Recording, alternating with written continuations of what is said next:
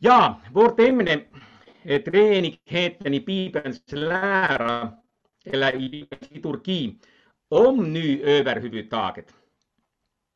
Treenigheten är en så viktig läropunkt i vår kristna tro. Då uppstår naturligtvis frågan att varför har vi ingen tydlig lära om treenigheten i Bibeln?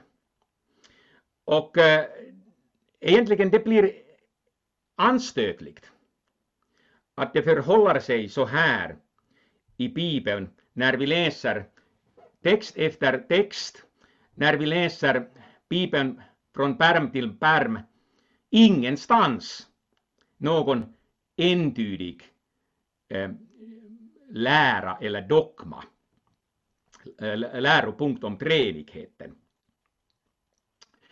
Och eh, då uppstår naturligtvis frågan att mm, mm, var och varför inte? Eh, Treenighet i Bibeln, vi har redan sett att eh, situationen ser ut så här och mm, det är ett faktum som vi måste utgå ifrån. Sen har jag eh, tillagt här i tredje raden att, att vi måste sen ställa frågan hur Bibeln talar om Gud. Bibeln har nämligen sitt eget sätt att tala om Gud. Och jag, jag vill visa er två eh, relevanta bibelställen här. De är mycket kända. Se på, se på tavlan. Det är alltså Genesis 1 och 1 och Johannes 1 och 1. Två viktiga bibelverser. Och notera att Genesis 1 1 inte börjar i begynnelsen var Gud och han skapade himmel och jord. Många till och med ähm, äh, kommer ihåg att så, så, så borde det vara. I begynnelsen var Gud och han skapade himmel och jord. Men här i begynnelsen, till att börja med, så kan vi notera att, att det inte finns möjligt att diskutera Guds varande sådär utan vidare eller till och med överhuvudtaget. Björn har redan eh, informerat oss om eh, det mänskliga fördärvet, människans grundliga fördärv, det, är, det utgår över eh, det mänskliga förnuftet och det går emot det, för, det mänskliga förnuftet. Därför blir det egentligen omöjligt för oss att direkt hoppa in i denna frågeställning att Gud är. Vi har ingen aning om, eller ingen äh, kunskap om Guds varande om han sen inte uppenbarar sig för oss. Därför alltså här i Genesis vi har i begynnelsen skapade Gud himmel och jord. Och då är vi redan inne i hans eh, frälsningshistoria, eller vi är, in, vi, vi är inne i själva his, i det historiska seendet. Och då börjar vi förstå. Vi kan alltså förstå att Gud skapade. Vi ser himmel och jord och nu hör vi att Gud skapade och det här ägde rum i begynnelsen. Däremot om Bibeln eh, började texten i begynnelsen var Gud, så skulle vi hamna i stora svårigheter. I begynnelsen var Gud, alltså var var han? Vem är han? Hur får jag kontakt med honom? Ingen aning. Och egentligen, då skulle vi åka fast i vår tro. Då skulle vi alltså äh, äh, ha svårigheter eh, jättestora oövergripliga svårigheter om vi har en sådan början i Bibeln. Sen se på Johannes 1.1. I begynnelsen var ordet och ordet var hos Gud och ordet var Gud. Nu har vi här sen detta uh, begynnelsen var ordet och om ordet var Gud så i begynnelsen var Gud men åter notera så skriver Johannes egentligen inte. Han säger inte i begynnelsen var Gud och sen att Gud var ordet och så vidare. Utan nu säger eh, Johannes att i begynnelsen var ordet, men här talar han om ordets existens, om hans varande. Men du ser att nu blir det begripligt på ett annat sätt. I begynnelsen var nämligen ordet. Och då har vi åter eh, denna kontakt, relation till Gud. Då har vi åter alltså en mening som vi kan förstå. Inte heller alltså Johannes talar eh, direkt om Guds existens i begynnelsen var Gud, utan nu blir det i begynnelsen var ordet och ordet var sen Gud. Så att jag tycker att det här är alltså viktigt. Eh, eh Bibeln utgår ifrån eh, detta faktum. Och därför kan vi inte ha i Bibeln, i denna mening, i denna speciella mening, vi kan inte ha någon läropunkt om Guds treenighet sådär äh, eh, äh, eh, utan vidare, alltså en, en sådan dogmatisk redogörelse, typ äh, Frans Pipers dogmatik. Det är helt okej okay att vi gör det, men Bibelns sätt att tala om Gud, eh, det, är, eh, eh, det följer alltså andra riktlinjer. Och sen också om du ser Johannes evangeliet lite senare, det här är alltså en, en introitus till, till, till mitt ämne, Också Johannes evangeliet kapitel 14, vers 9. Så länge har jag varit hos er och du har inte lärt känna mig, Filippus. Den som har sett mig har sett Fadern. Alltså Filippus ville veta mer om Jesus, vem han är och, och hur säger du Jesus att, att, att eh, du är vägen till Fadern, visa oss Fadern. Och egentligen vill Jesus inte gå in på eh, Filippus frågeställning, inte direkt. Utan han säger så här, och åter märker du att, att det blir möjligt för Filippus att förstå vem Jesus är, vem Gud är, när han har denna relation, när han har uppenbarelse. Och inte bara alltså sådana äh, äh, rena spekulationer om Guds existens. Och sen när, när du läser Johannesevangeliet, jag ska inte göra det äh, mer här, men denna tanke finns i Johannesevangeliet överallt. Om du läser Johannesevangeliet så kan du egentligen fråga dig, var har vi inte Faderns och Sonens enhet? Det finns överallt. Det finns alltså egentligen ingen perikop, inget avsnitt som saknar denna tanke att Gud Fader och Sonen, de är en. Eh, eh, eh, I Markusevangeliet, Daniel var redan inne i Markusevangeliet eh, i många avseenden och jag ska inte gå in på eh, Markusevangeliet desto mer, men de som har kunnat följa min kurs i Markusevangeliet på FFG, de vet att eh, denna tanke att Jesus representerar Gud Gud finns där Jesus finns. Jesus identifierar sig med Gud, Jesus gör sig själv lik Gud. Denna tanke finns överallt i Markusevangeliet. I varje perikop, i varje text finner vi denna tanke, åtminstone om inte uttryckligen så bakom texten eller mellan raderna. Och det är helt avsiktligt. Det är Markus, han, han gör det med avsikt. Han, han vill presentera Jesus på det här viset. Och du märker här också Eh, Gud talar, Bibeln talar om Guds väsen, men han gör det på ett sådant sätt som vi kan förstå. Vi följer Jesus, vi ser hur han, eh, vi hör vad han säger, vi ser vad han gör och det är vårt sätt att fatta, han och Gud är en. Så att nu börjar vi, eh, jag hoppas, nu börjar vi få alltså en, en sån eh, nyckel till Eh, Bibelns budskap. Vi börjar förstå varför eh, eh, det är så här och att det är så här hela tiden i Bibeln. Alltså ingen direkt väg till Guds väsen. Vi måste nöja oss med hans uppenbarelse, vi måste nöja oss med med, med det sättet han talar. Det sättet han vill avslöja vem han är. Och sen om vi övergår till själva tematiken så skulle jag här koncentrera mig mer på Efesierbrevet. Daniel tog redan äh, upp äh, ett avsnitt där och det var mycket bra. Och äh, ähm, som du vet, ähm, Efesierbrevet kan indelas i två större delar.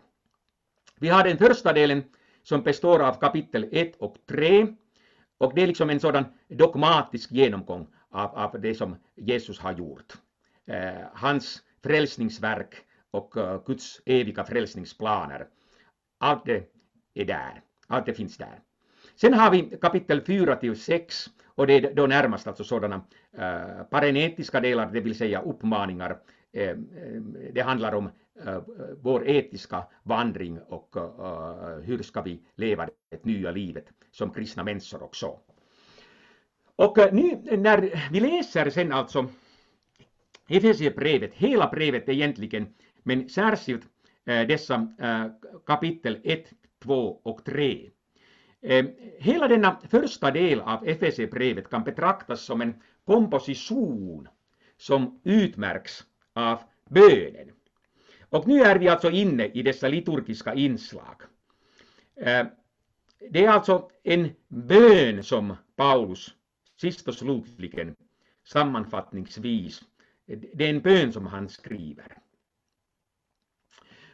Och äh, där just alltså i Efesierbrevet, jag tycker att, att hela brevet har äh, förbigåtts ofta när det gäller äh, trefaldighetsläran, när det gäller bibliska belägg för treenigheten. Och jag vill visa nu hur, hur Paulus gör.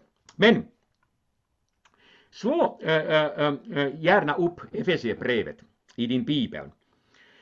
Vi har där alltså strax efter överskriften vi har denna långa lovprisning av Gud, en så kallad eulogi, därför att det, äh, den inleds i grekiskan eulogetos. Eulogi, det är alltså lovprisning.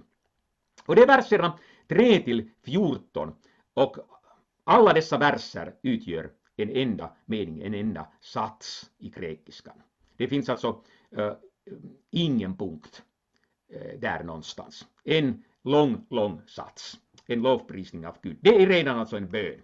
Och denna eulogi innefattar tre strofer. Och nu ber jag dig om att eh, titta på din egen, se på din egen bibel. Och du kan notera att, att, att dessa tre strofer, eh, författaren Paulus har markerat dem. Han säger till sist alltid hans nåds härlighet till pris eller hans härlighet till pris. Det är fråga om Gud. Alla dessa tre strofer alltså avslutas på det här viset. Se på verserna 6, 12 och 14. Det är möjligt att din bibelöversättning använder Eh, några andra ord, men översätter vi texten eh, eh, ordagrant så finner vi detta uttryck i dessa tre verser. 6, 12 14. Och om du eh, snabbt läser dessa verser så märker du ganska eh, lätt att tankegången går framåt. Och eh, Paulus börjar från Guds handlande före skapelsen, det är alltså denna första strofen. Sen övergår han till Guds handlande genom Kristus, det är andra strofen, och därifrån till Guds handlande genom anden, tredje strofen.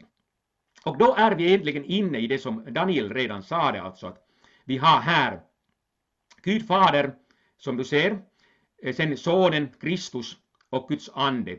Eh, vi har alltså tre strofer. Och egentligen varje strof följer eh, eh, treenighetsläran på det viset att, att eh, första strofen ja, behandlar samma sak som vår trosbekännelse, första trosartikeln. Det är Guds handlande före skapelse och sen naturligtvis skapelsen själv. Och sen äh, kommer äh, andra trosartikeln om Kristus och sen tredje trosartikeln om anden och en klar trinitarisk struktur. Och sen får vi dessa eh, tre verser som, som du ser på tavlan eh, från 3 till 6, 7 till 12 och, och 13, 14. Och eh, sen åter om du ser på dessa äh, äh, verser så kan vi säga att, att denna äh, eulogi, denna lovprisning av Gud återger ett tvådelat tema för hela brevet. Och nu ser du att jag har indelat min framställning i, i kapitel 1 till 3 och kapitel 4 till 6. Och när eh, denna eulogi beskriver Guds frälsningsplan Guds eviga frälsnings, eh, frälsningsplan och hur Gud verkar eh, och för, förverkligar alltså, alltså denna äh, eviga frälsningsplan, det är ämnet för brevets första del. Det kommer vi att se i kapitel 1 till 3. Så att det är liksom äh, innehållet i denna eulogi, i denna liturgiska bön och det blir sen alltså äh, tema, te, temat, ämnet för äh, brevets första del. Och hans härlighet till pris, det var alltså detta uttryck som äh, Paulus har tillagt. Varje strof avslutades med, med detta uttryck. Det är sen alltså ämnet för brevets andra del, denna parenetiska del, äh, dessa etiska uppmaningar.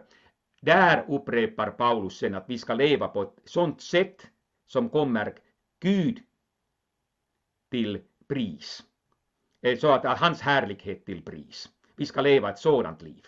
Så att nu märker vi att, att, att, att egentligen Paulus eh, skriver eh, en bön, en eulogi, en, en tacksägelse och sen han bygger hela brevet, hela eh, brevets komposition baserar sig på denna eulogi. Det är märkligt och det är viktigt därför att här ser vi hur Paulus resonerar och hur han går vidare i, i, i sin i, i sitt eh, brev och, och i, i, sin argumentation.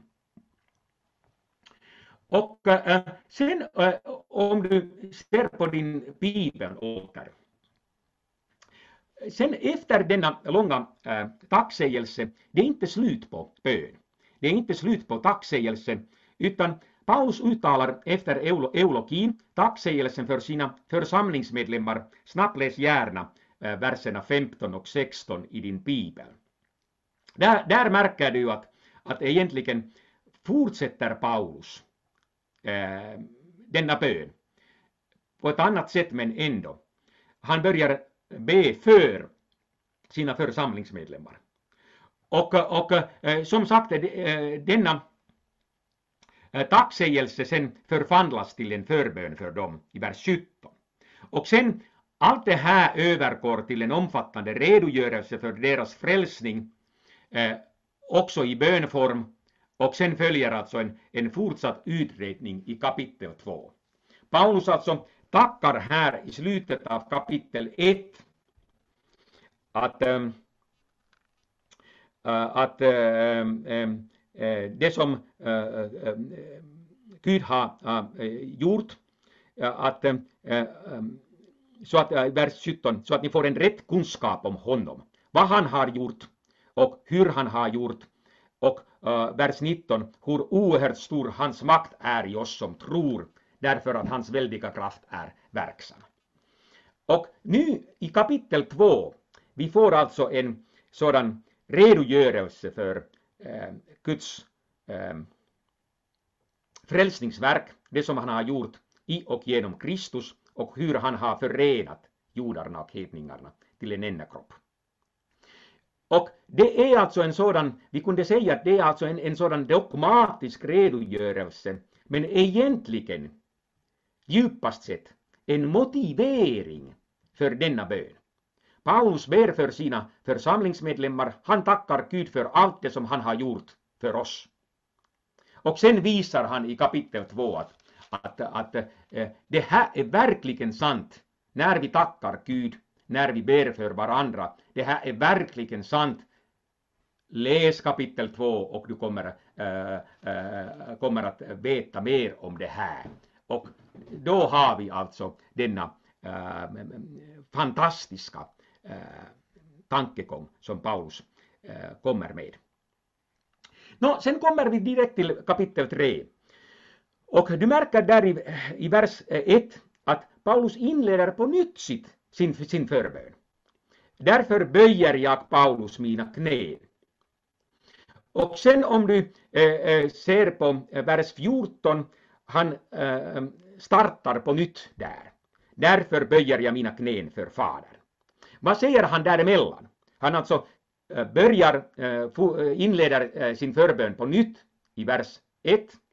Sen fortsätter han sin förbön i vers 14 därför att han sade någonting däremellan. Och du ser ehm, här på tavlan vad han skriver däremellan, nämligen han berättar om sin kallelse som hedningarnas apostel. Snabbläs åter den här texten så märker du att det är alltså en, en eh, redogörelse för, för Paulus egen kallelse som hedningarnas apostel. Och äh, äh, det finns alltså ett eh, samband om du tänker på kapitel 2 och det som vi har här i kapitel 3, verserna 2 till 13. Kapitel 2 redogjorde som sagt Ehm, för den eh, teologiska ehm, grundläggande eh, basis för eh, eulogin i kapitel 1.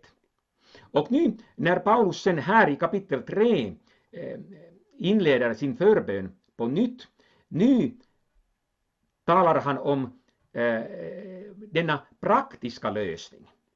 Kapitel 2 tog upp alltså denna enda kropp, Kristi kropp som består av hedningarna och judarna.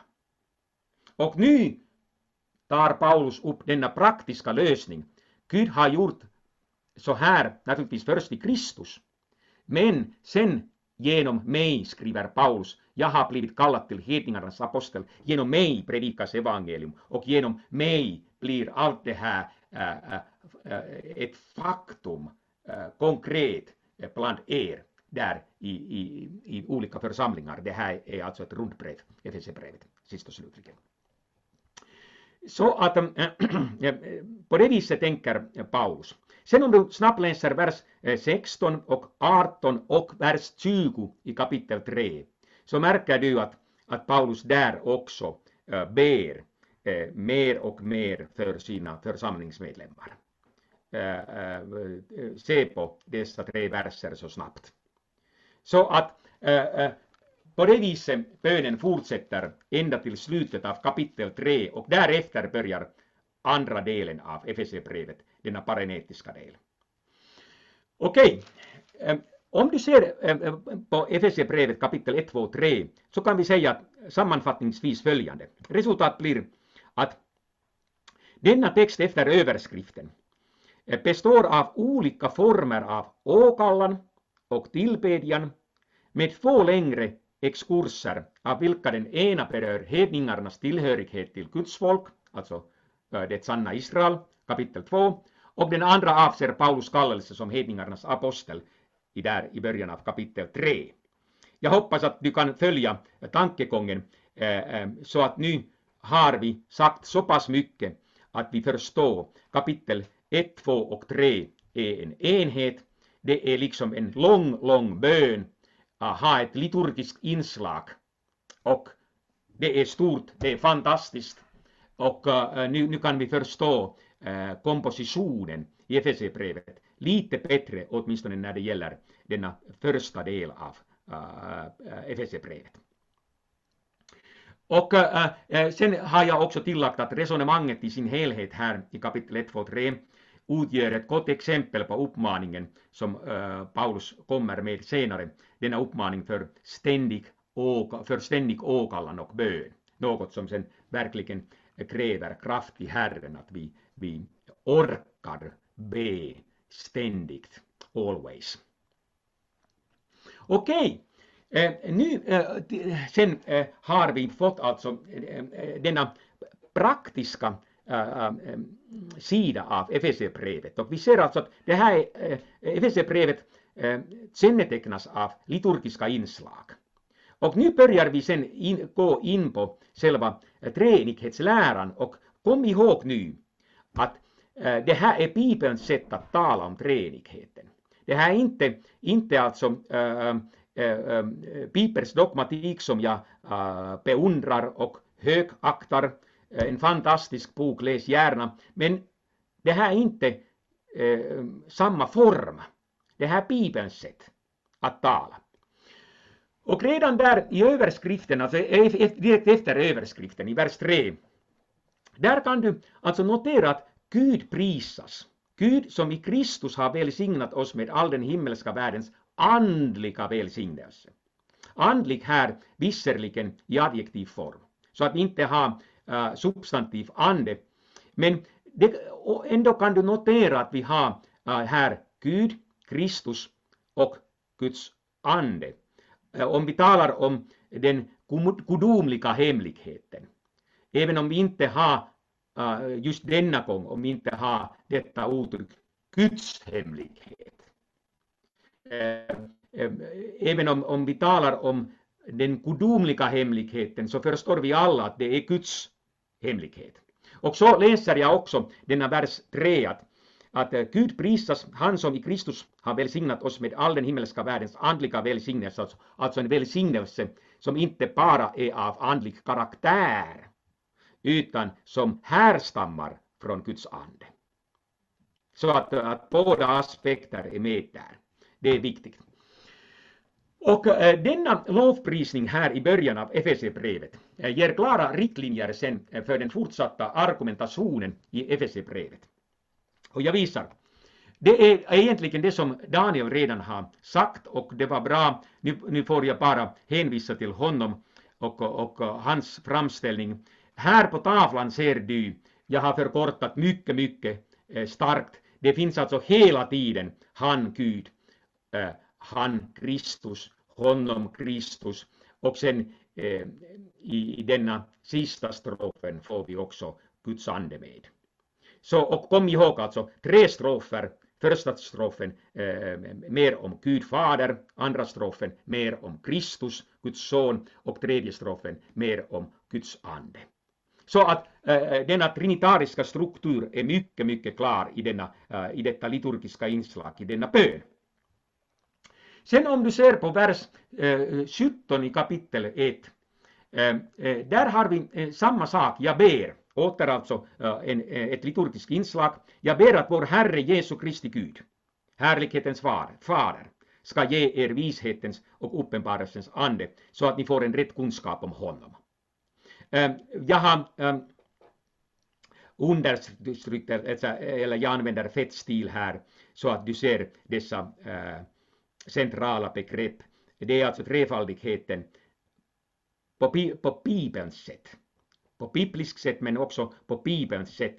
Ehm, eh, och ehm, vi har inte tid att eh, kommentera dessa, eh, dessa ställen i Efesierbrevet mer. Om du vill veta lite mer så får du gärna läsa det här reformatorisk gudstjänst på skriftens grund.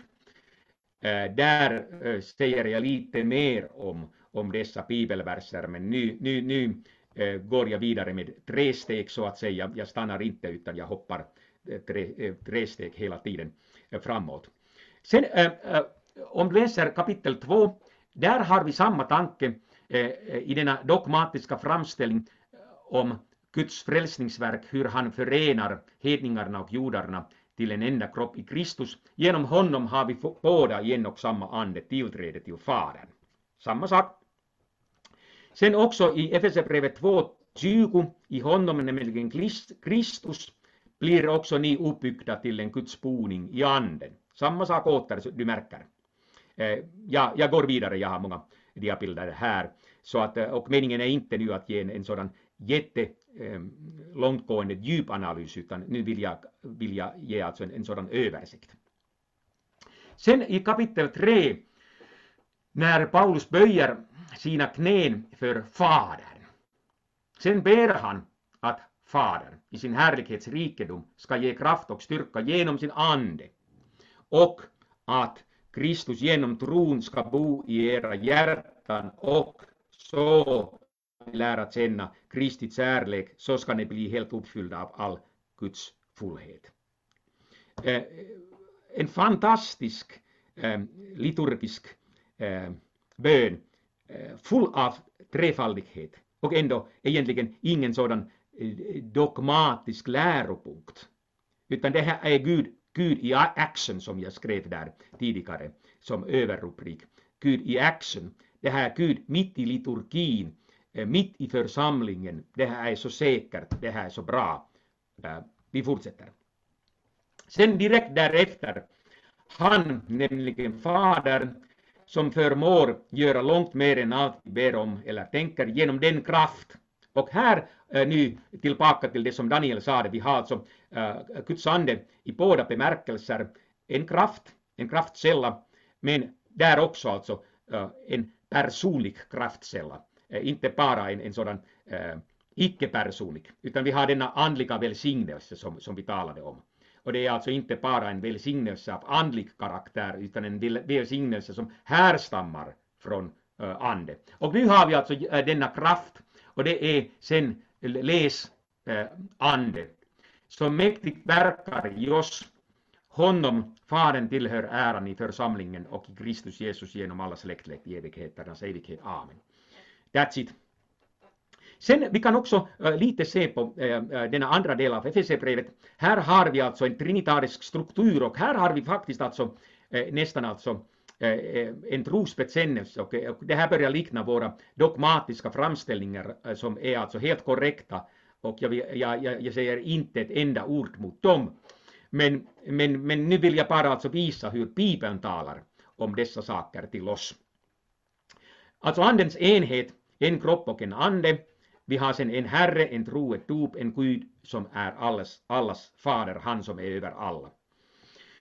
Sen också denna äh, uppmaning att ni ska inte berusa er äh, med vin, sådant leder, leder till ett liv i laster, men istället låt er uppfyllas av anden och sen ska ni sjunga och spela för Herren och tacka alltid vår Gud och Fadern för allt i vår Herre Jesu Kristi namn. Så att äh, treenigheten också här som ni ser eh, sådär i praktiken. Och sen äh, kan vi äh, lämna Efesierbrevet äh, och, och, och vi kan alltså visa att, att det som Paulus gör här inte bara något som han gör äh, för en gångs skull. Vi kan sen också i första Thessalonikerbrevet finna eh, lite samma sak, att hela brevet blir en bön. Eh, men jag, jag går inte in på det nu. Eh, men jag vill sen alltså visa några viktiga saker i vår Fader vår-bön. Alltså, den som har läst Luthers katekes vet att, att Fader vår består av sju delar. Jag här är, är mera luthersk än Luther själv, jag säger att, att, att Fader vår består av sex delar, jag har inget emot om, om någon säger att det består av sju delar. Men egentligen dessa två sista böner eh, inled oss icke i frestelse utan. Eh, detta ord utan kombinerar eh, dessa två sista till en enda um, bön. Och jag utgår ifrån det här, jag är säker, säkert att, att Luther eh, skulle instämma i det här så att, eh, att, eh, att, att um, han behöver inte stå upp ur graven så, så som man brukar säga eh, i vissa sammanhang. Men all right. Först tre böner som angår Guds ära som ni vet, därefter tre böner som berör mänskliga behov. Och i dessa Tre första förekommer alltså eh, andra eh, person singularis, ditt namn, ditt rike, din vilja, det är klart. I de senare förekommer första person pluralis, vårt bröd, våra skulder, våra frestelser, vår existens som ständigt hytas av det onda. Helt klart, eh, behöver inga förklaringar. Sen har vi också alltså denna skillnad att imperativet i de tre första bönerna står i tredje person, sing, person singularis, helgat blive, kom med ditt rike, se din vilja. Bedjaren vill alltså inte rakt och direkt befalla eller beordra Gud att agera i hans egen sak. Det är inte, eh, det här är alltså en vacker bön. Eh, eh, alltså liksom en, eh, en bön som är full av respekt och, och Guds ära. Jag vill alltså inte, eh, inte beordra Gud att nu ska du helga äh, ditt eh, namn och, och, och allt går åt skogen här på jorden. Att, utan, utan man, man skriver så här oerhört vackert att, att, att please Gud, helgat blive ditt namn. Det, det behöver vi. Ditt rike kommer också. Sen imperativet i de tre sista bönerna står i andra person singularis, ge förlåt för inte, i, i, nämligen i, i, inledde oss icke i frestelse utan fräls. Och, och då, då alltså berättar bedjaren Gud om sina egna behov och söker hjälp och där har vi sådana äh, äh, raka äh, böner. Eh, det är klart. Och sen på det hela taget kan alltså de tre första och de tre sista bönerna i Fader vår tolkas i ljuset av läran om trefaldigheten och också här är det roligt att få hänvisa till det som Daniel sade i sin framställning i Matteusevangeliet. Vi har denna dop och missionsbefallning och, och att äh, döpa alla folkslag i, äh, äh, i Faderns och Sonens och den helige Andes namn. Och om vi följer denna, dessa riktlinjer och kom ihåg att i Matteusevangeliet älskar författaren, Matteus älskar tre punkter. Eh, inte alltid, men, men det, det förekommer eh, så många gånger att jag inte ens vet hur många gånger. Men, men alltså Matteus älskar eh, nummer tre. Det är alltså hans heliga siffra. Och om vi nu alltså har, har här i Fader vår två gånger tre böner, så kan vi säga så här att då ber lärjungarna att Faderns namn ska bli helgat. Det är alltså Faderns namn som Jesus ville helga hela tiden, det säger han flera gånger och inte minst i Johannesevangeliet. Och därför alltså Johannesevangeliet är säkert alltså en historisk berättelse därför att just denna viktiga punkt i Jesu verksamhet, att helga, helga Faderns namn och helga Fader, det förekommer så ofta i, Johannesevangeliet men inte så ofta hos, hos synoptikerna. Men just därför alltså att vi har sen alltså helgat var det eh, Faders namn, eh, helgat var det ditt namn eh, i Fader vår. Det berättar för oss att Johannes evangeliet vill vara alltså en, en historisk berättelse och verkligen ha bevarat också viktiga aspekter som saknas hos synoptikerna. Och sen hans rike tillkommer och som vi vet Jesus sammanfattar hela sin, hela sin förkunnelse med detta begrepp Guds rike är nära, har kommit nära, eh, gör bättring. Eh, omvänd er om. Vänd er om. Och, eh, och då har vi alltså Guds rike, det, är, det, det kommer i och genom Sonen. Och sen hans vilja ska se på jorden tack vare den helige Ande som utgjuts från himlen. Det är också alltså en, en, en klar tanke eh, i Bibeln att, att eh, den helige Ande förmedlar Guds vilja, eh, äh, åstadkommer hos oss ett liv som står i överensstämmelse med, med Guds vilja och så vidare.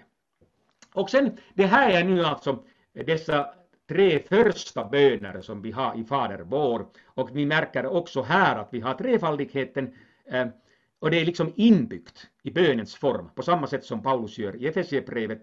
Och det här är alltså Gud i action. Ingen dogmatisk framställning, men det här är Bibelns sätt att tala om trefaldigheten. Sen eh, kommer vi till eh, den andra delen, tre böner där också. Fader, världens skapare och upprätthållare, ska ge oss vårt dagliga bröd. Giv oss idag eh, vårt dagliga bröd. Och sen Jesus Kristus dör för oss, han ska förlåta oss eh, våra synder. Det är det som vi ber i femte bönen. Och sen den helige Ande ska bevara dem i frestelsen och frälsa dem ifrån ondo. Det var just det som Jesus sa till exempel eh, till lärjungarna i Getsemane. Att anden är villig, men köttet är svagt. Därför ska ni be.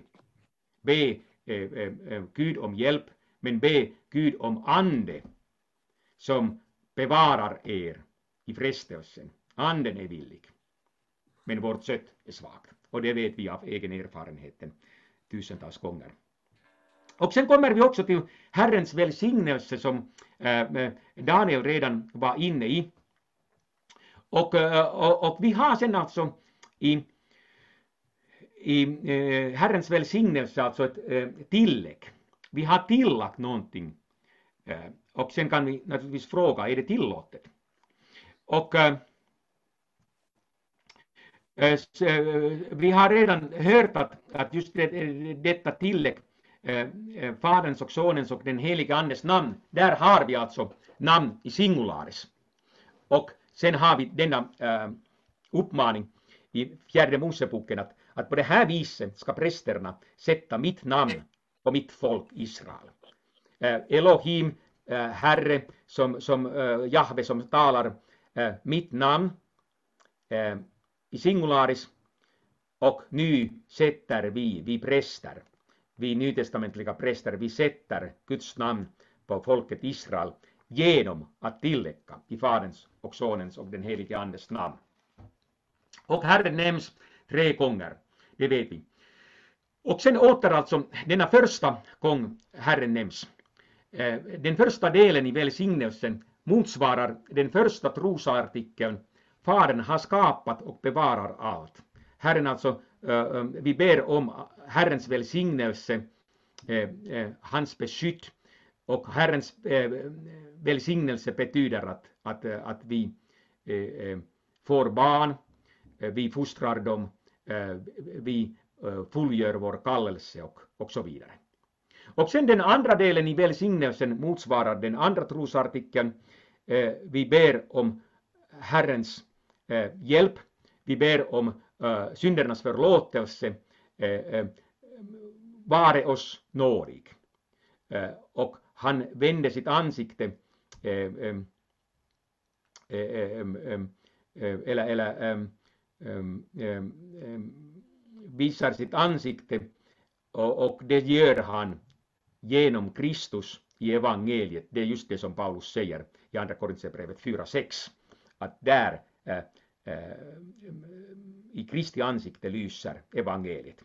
Och sen denna tredje del, delen, denna tredje del i välsignelsen motsvarar den tredje trosartikeln, nämligen den helige Ande har predikat evangeliet och stiftar frid med alla troende. Det är Guds andes äh, syfte att han äh, låter fridstillståndet gälla sen mellan Gud och, och äh, hela människosläktet. Från Guds sida har vi frid redan. Där på Kolgata. Kristus dog för oss. Men vi är fortfarande fiender om vi lever utanför evangeliet och utan eh, tro. Därför Guds ande vill leda oss till frid. Och sen ännu till sist alltså eh, eh några ord om nomina sakra. Ehm, eh, det är alltså ehm, ehm, det är först och främst Thomas Bokedal som har skrivit mycket om det här och, och, och, och vi har haft intressanta diskussioner med, med, med Thomas Bokedal och, och nomina sakra det är alltså eh, dessa heliga namn. Och det är fråga om vissa förkortningar i bibliska handskrifter. På Gamla testamentets tid uttalades inte gärna Jahves namn för att inte missbruka det. Därför kringgår man äh, Herre, ofta man talar inte om, om, om, om Guds rike i Matteusevangeliet utan Guds rike blir himmelriket. Man ville undvika Jahves namn. Och istället för Jahve lästes ofta Adonai. Och i de nytestamentliga handskrifterna förkortas sen särskilt följande ord. Och nu lägg märke till det här. Gud, och sen har jag tre eh, följande ord Jesus, Kristus och Herre i andra raden och sen har jag ande i tredje raden. Och Gud eh, eh förkortas därför att eh, det var också så i Septuaginta. Septuaginta har egentligen Eh, till och med bevarat JHVH i den grekiska texten i många handskrifter. Så. Och i, i, i eh, i de nytestamentliga handskrifterna alltså, eh, skriver, eh, skriver författare inte 'teos' utan till eh, T och S. Så att det, blir, det blir alltså ts, istället för 'teos'. Och på samma sätt sen förkortas Jesus Kristus och Herre, dessa tre ord. Och nu, kom ihåg att egentligen det som vi har här i andra raden, det är sen alltså eh, ett liturgiskt inslag. Det var ordkyrkans eh, två första trosbekännelser. Jesus är Kristus, alltså Jesus är Messias. Det var Petrus bekännelse till Jesus när Jesus frågade vad säger människorna att Människosonen är? Och vad säger ni? Och då bekänner Petrus att du är Kristus Messias alltså. Och sen har vi i, i, till exempel där i första Korinthierbrevet kapitel 12, vi har det här att, att Jesus är Herre. Man kan äh, uttala denna bekännelse bara i Guds ande. Jesus är Herre. Och då har man alltså förkortat alla dessa tre ord och det betyder att då får alltså Jesus äh, detta gudomliga värde. Han är lik Gud i detta avseende och när han är Messias Kristus, samma sak, Kristus förkortas, när Jesus är Herre, samma sak, Herre förkortas. Och sen förkortas också ande. Och det finns sen några andra ord som förkortas då och då, men dessa ord förkortas egentligen alltid. Och då har vi alltså också här Guds trefaldighet och eftersom vi har eh, nomina sakra egentligen i alla våra handskrifter så måste denna praxis gå tillbaka till, ja, till de ursprungliga författarna.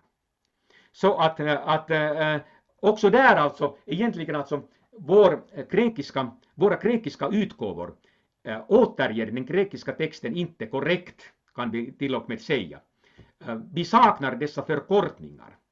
Om vi hade alla dessa förkortningar så skulle vi Eh, har ha lite svårare att läsa den grekiska texten och det är, det är en, en, en, en styckelse för, för alla våra studenter eh, när, när, när eh, denna läsning av grekiska texter blir ännu värre och svårare.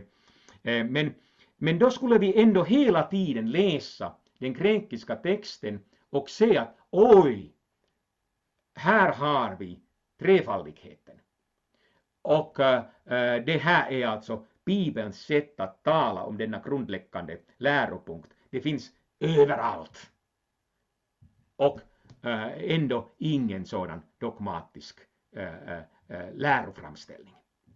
Så att, att, att jag hoppas att, att detta korta föredrag har på något sätt kunnat vara, ja i bästa fall till och med en, en ögonöppnare på det viset att, att vi inte, att det inte blir anstötligt att Bibeln talar så lite eh, om Guds trefaldighet i dogmatiska begrepp. Men jag skulle säga alltså att Bibeln talar överallt om Guds trefaldighet på sitt sätt och på ett bibliskt sätt, på Bibelns sätt. Och då är vi inne i sådana här fram, äh, äh, äh, tankegångar som, som vi har tagit fram här. Och eh, jag tror att, eh, att vi får eh, avsluta här. Tack för intresset och, och, och möjligheten att komma och hålla detta föredrag från Finland.